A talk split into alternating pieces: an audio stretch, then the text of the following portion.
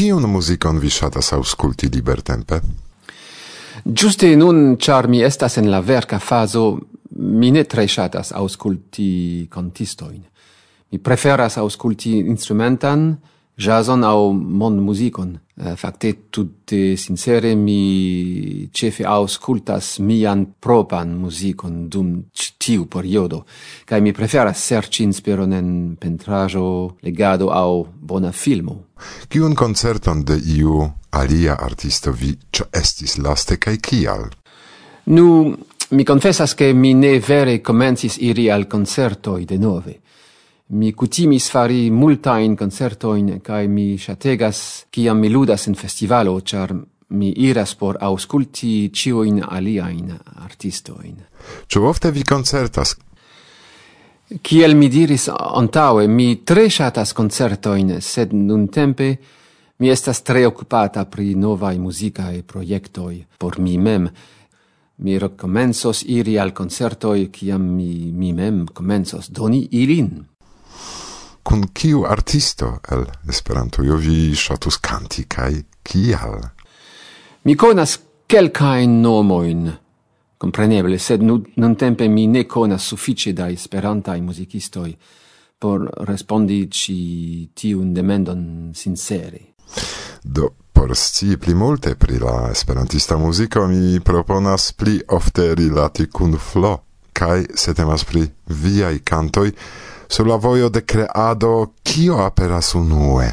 Texto au musico? De kio vi comenzas? Estas bona demendo.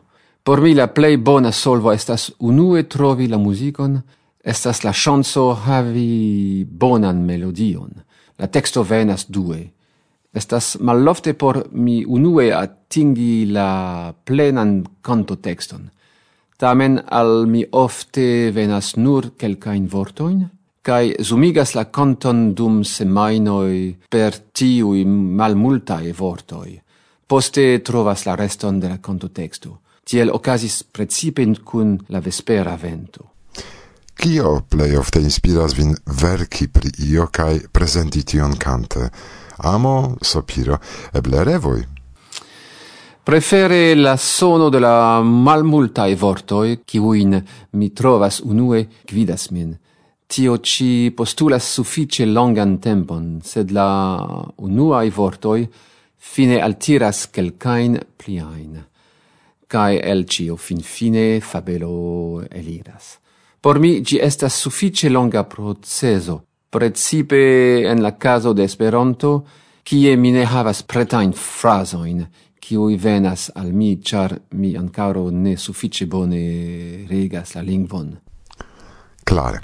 Do, multai musicistoi, con cui laste mi rencontigiadis, microfone respondadis, che ilia laboro estis influita pro isoligio dum la pandemio, kiel estas en via caso? Kiel vi trovis vin en tiu stranga situatio?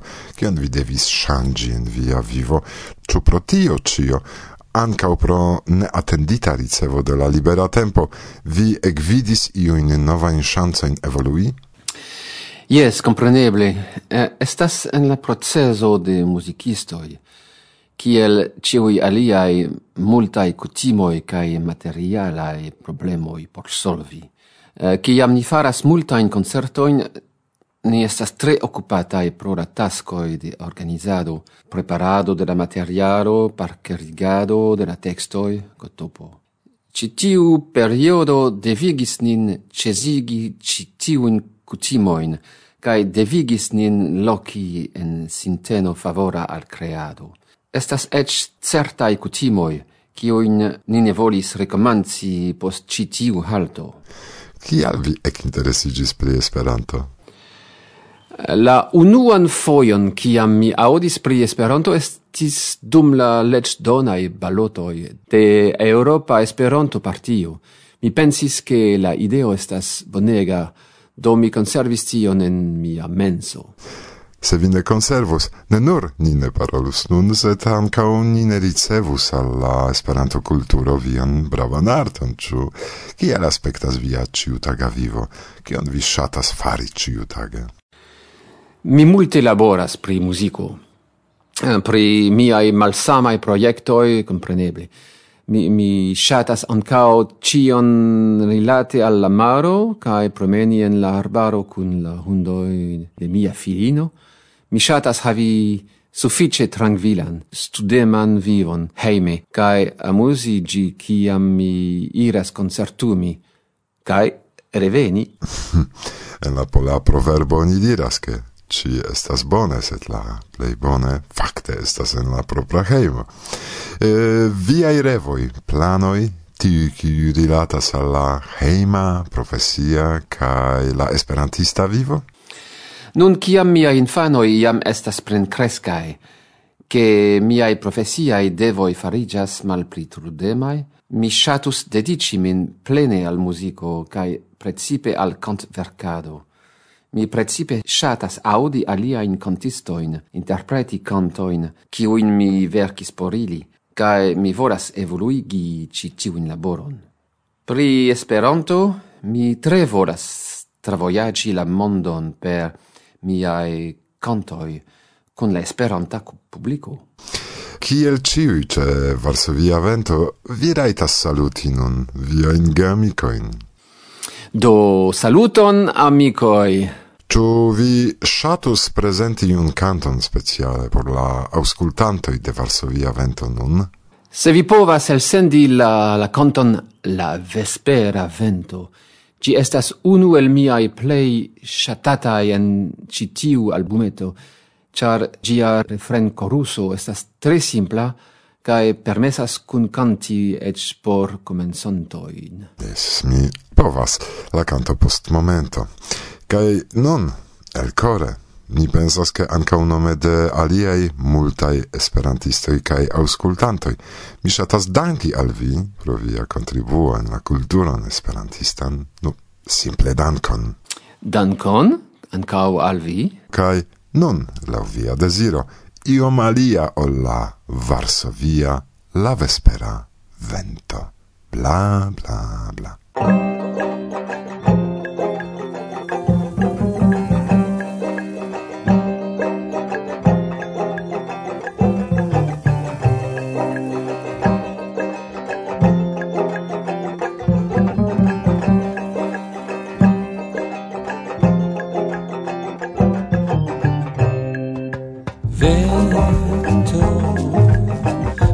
Vespera vento, vento Vespera vento, vento La vespera vento, vento Vespera vento carezzo, tenerezzo Contra malgaio.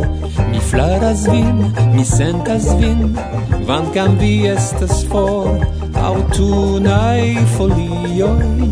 En la varma venteto memorigas min privi kiam comenzas blovi vento la vespera vento vento vespera vento vento. La vespera vento vento.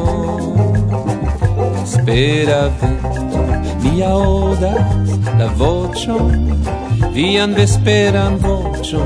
Kvazaŭ vi estus cun mi Ja mi estas en pazzo. Ci tiu tago estis dolcia Kiel via auto. Mi flaras vin, mi sentas vin Kvazaŭ vi vere estus kun ni vento. La vespera vento vento. Vespera vento vento. La vespera vento vento. Vespera vento.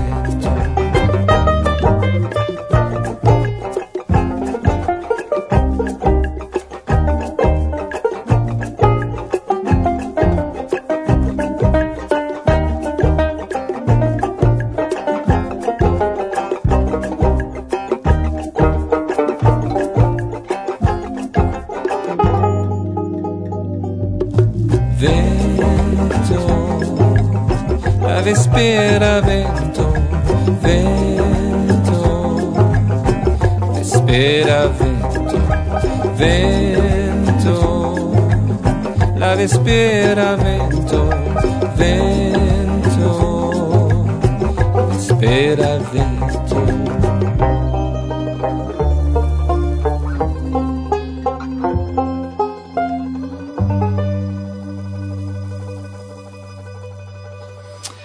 Saluton, mi estas Armel.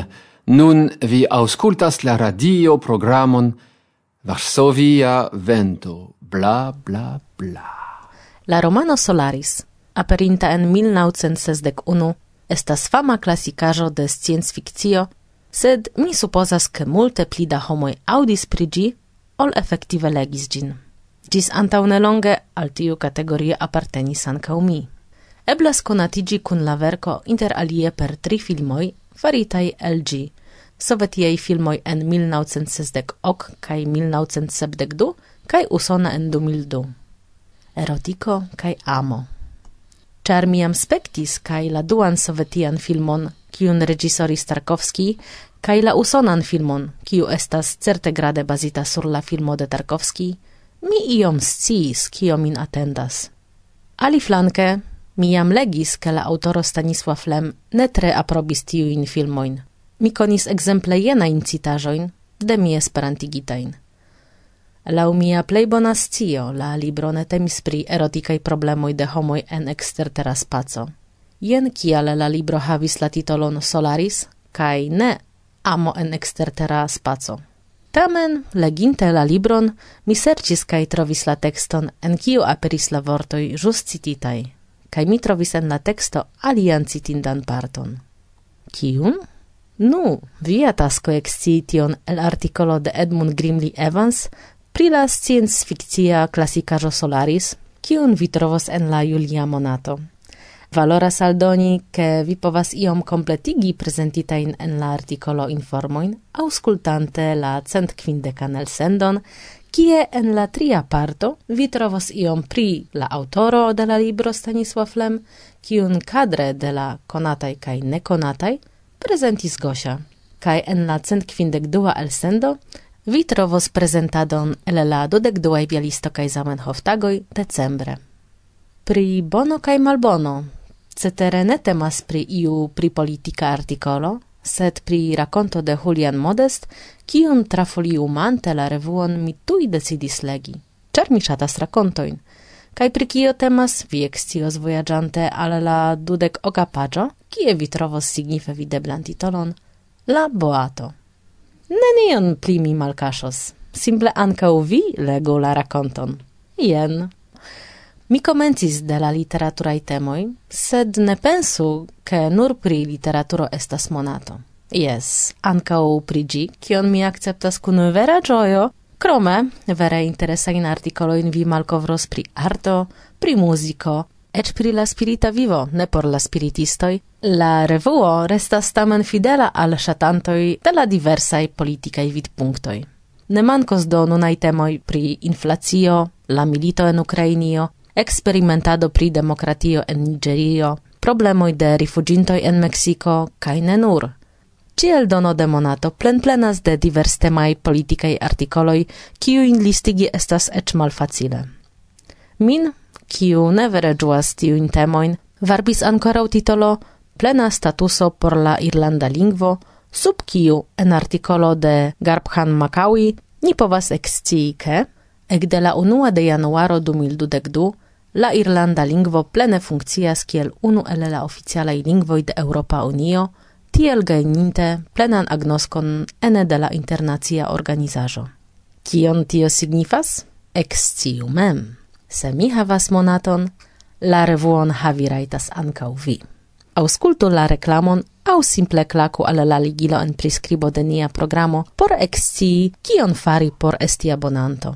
Kaj nun, ĉar mi havas ankoraŭ duan taskon, prezenti la trideknaŭan Polan Esperanto-kongreson en Ĉielsendo, Mi povas nun nur saluti vin, cara Paolo, kai la tutan redakcion, include de Massimo Ripani. Yes, yes, mi legis kion vi scribis, kai kiel eble plei someran ripozon dum libertempo somera, se vi planas libertempon.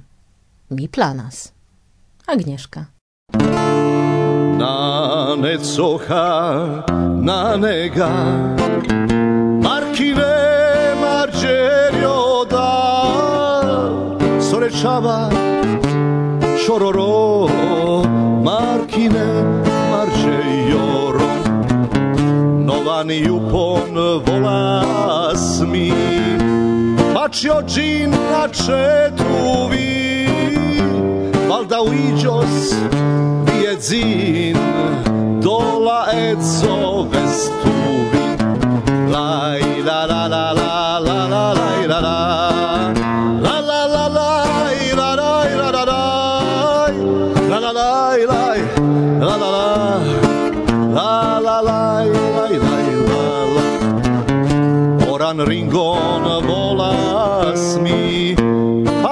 Regina cetuvi Se vine acetos nun Mi forcuros la la La la la la la la la la la la la la la la la la la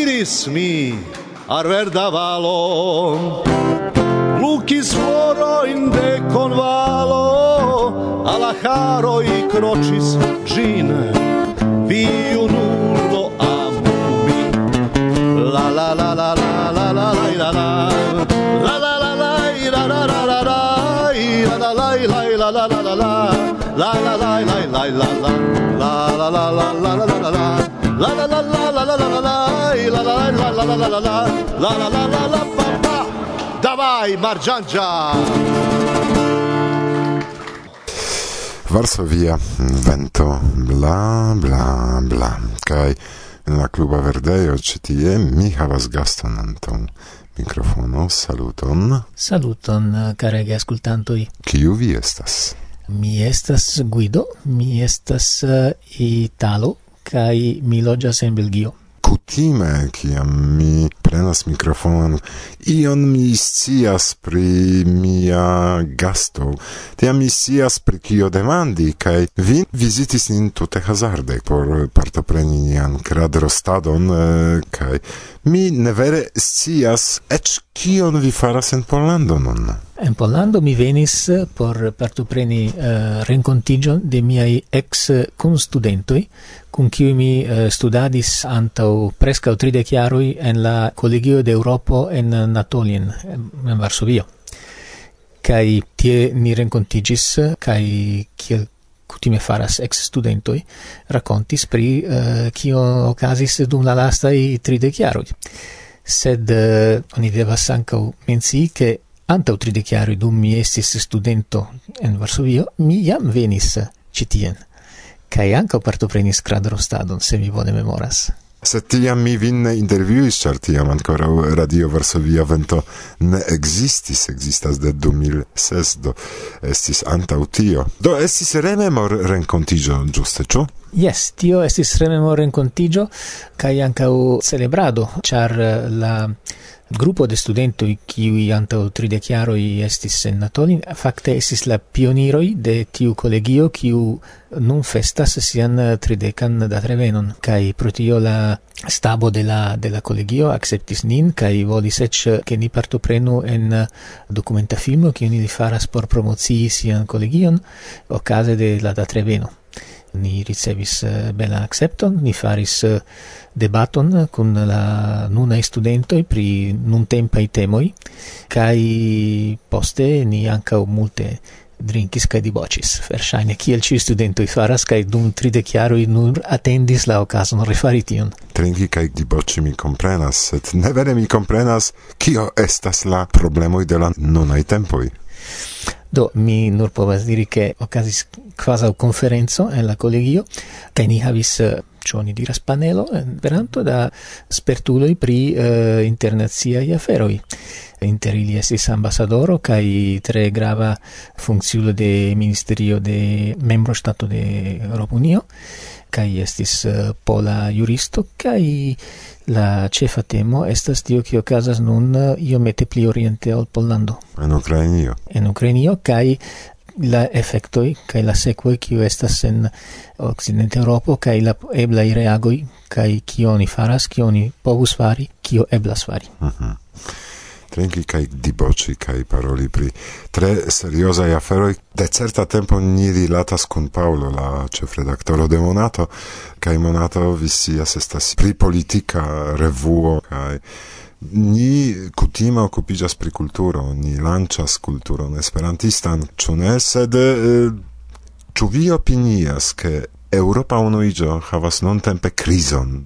au estas iu proceso de evoluo, ĉar nun eh, pro tiu konflikto en Ukrainio, Europa unuiĝo fakte cementigis en unu organismon, sed tamen aperis nigraj ŝafoj en la rondo. Kion vi pri tio? Uh, mi devas diri che Europa Unio ciam progressis nur tra crisoi kiam mankis criso uh, eh, la feroi stagnis kai uh, eh, ili ne estis tiel eh, uh, bonai certe la la crisoi devigas trovi nova insolvoin kai progressigi mm, la evoluon de la unio kai compreneble in tiu momento ecaperas problemo kai ancau aperas la volo solvi ilin. Exter la crisoi tiu problemi tamen uh, restas cascitai kai neniu havas eh, la emon eh, au la bezonon solvi ilin. Do, se tio estas la ocaso, alfronti la problemoin kai iel solvi ilin des pli bone. Tre politica respondo sen respondo, compreneble. Do bone, mi, ne turmentos vin pri tio, ĉar mi vidas, ke vi dancas kiel politikisto por ne doni plenan respondon. Bone, do mi pri nigraj ŝafoj ne demandos, ĉar mi ankaŭ pensis pri Polando nuntempe. Polando estas duon nigra ŝafo de la unua flanko Malavare helpas de la dua flanco donas malbonan exemplon ke oni povas fari kun leĝo ĉu ne? Mistias ke poloj multe helpas. Mi mi aŭdis de poloj ankaŭ ke tamen Pollando kiel eh, registaro. Ne same eh, multe helpas eh, la almenaŭ se temas pri rifuĝintoj se temas pri la armeo eble estas alia afero. sed um, mi audis giuste uno uh, pola amico clarigi la chialoi de tiu situazio, de tiu nigra shafezzo, dirante che chiam venis uh, alla mm, bordo de Pollando eh, i rifugintoi temis eh, naudec procent pri plancresculoi eh, viroi eh, kai la situazio de ucraini rifugintoi estas eh, tutte male eh, temas naudec procent pri fanoi kai virinoi. Sed eh, mi opinias che estas eh, tri tipoi da mensogoi. Estas eh, la malgrande la grandai, ca la statisticoi. che se oni faras statisticoin pri la homo kiu successa in Irlandon, compreneble temas pri tiui qui oni allasis foriri, kai tiu kiu successis transiri bordon in tre facile situazio. Se oni repushas homoi ce la bordo, compreneble pli facile oni repushas infanoi cae virinoi, cae tiu kiu successas estas naudec procente viroi.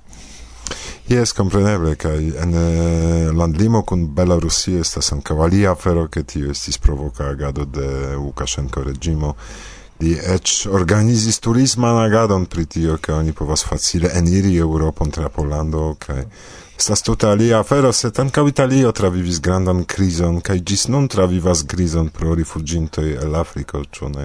La boatoj, la dronantaj infanoj kun homoj kaj ne multe Eŭropo emis helpi tiam kaj pensante pri Europo mi pensas antau cio pri mia lando, kiu tiam tuta ne deziris eh, reagi kai non tempe krias ke ni bezonas helpon de Europo, ĉu ne? Yes.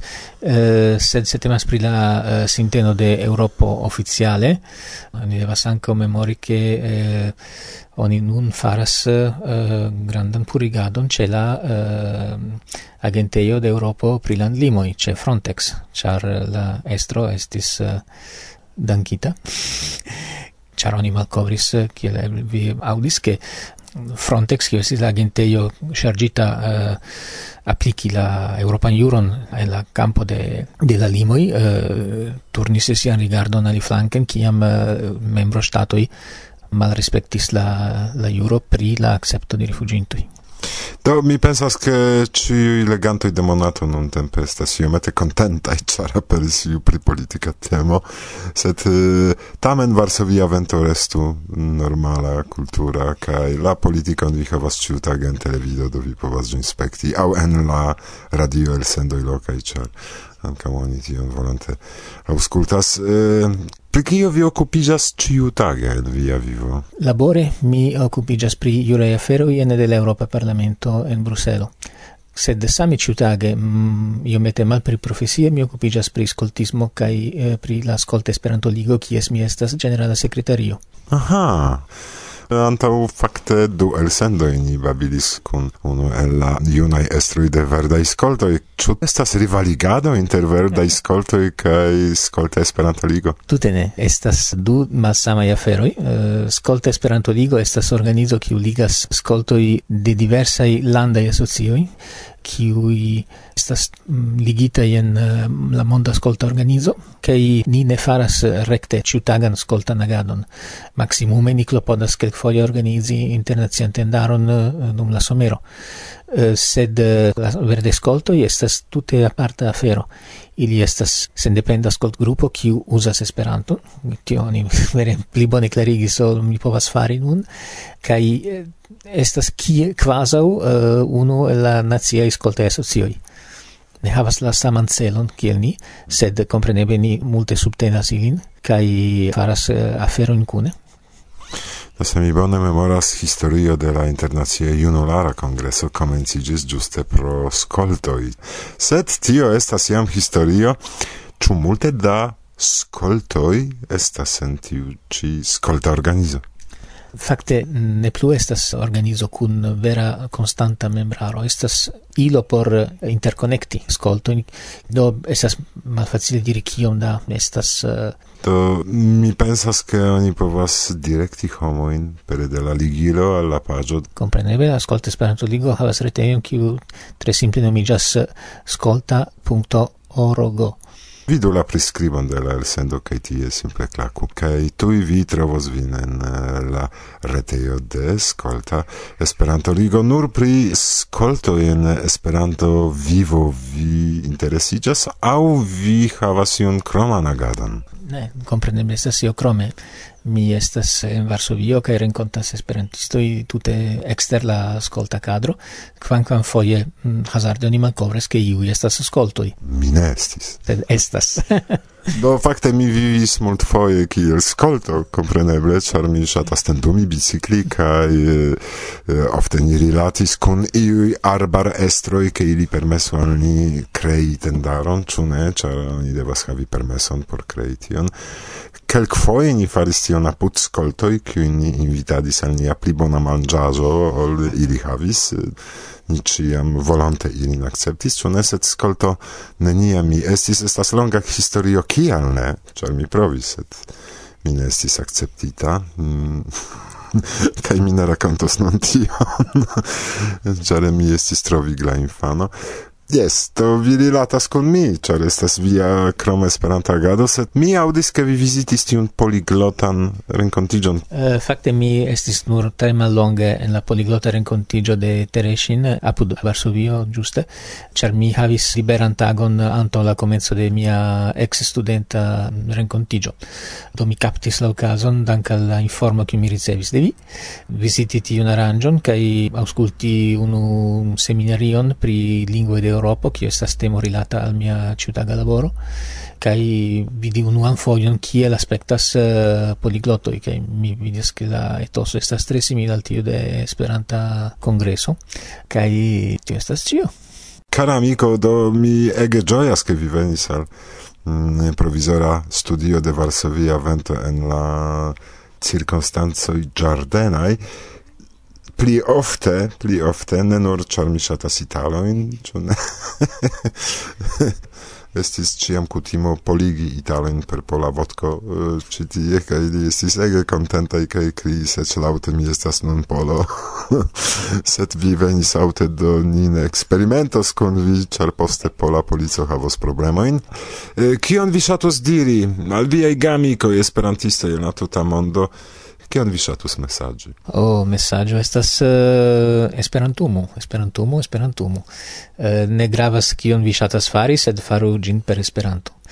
Saluton al ĉiuj ciui kiui mi rencontis en eh, uh, multai esperanto arangioi kai ci kiui mi rencontis eh, uh, unuope a hazarde au per pasporta servo ciui kiui fakte cune helpis crei kio estas nun mia esperantisteco yes bone koran dankon pro la renkontiĝo Gis, dankon. Reklamo. Ĉu vi scias, ke post la pandemia paŭzo Inter la dudec tria cae de septembro en Poznano okazos de longe attendata de la esperantistaro la tridec sesa arcones, la artaj konfrontoj en Esperanto. Ne al alla ligilo kaj aliĝu. Ne maltrafu la okazon, char tiu arcones ja ne ripetigios. Bla, bla, bla.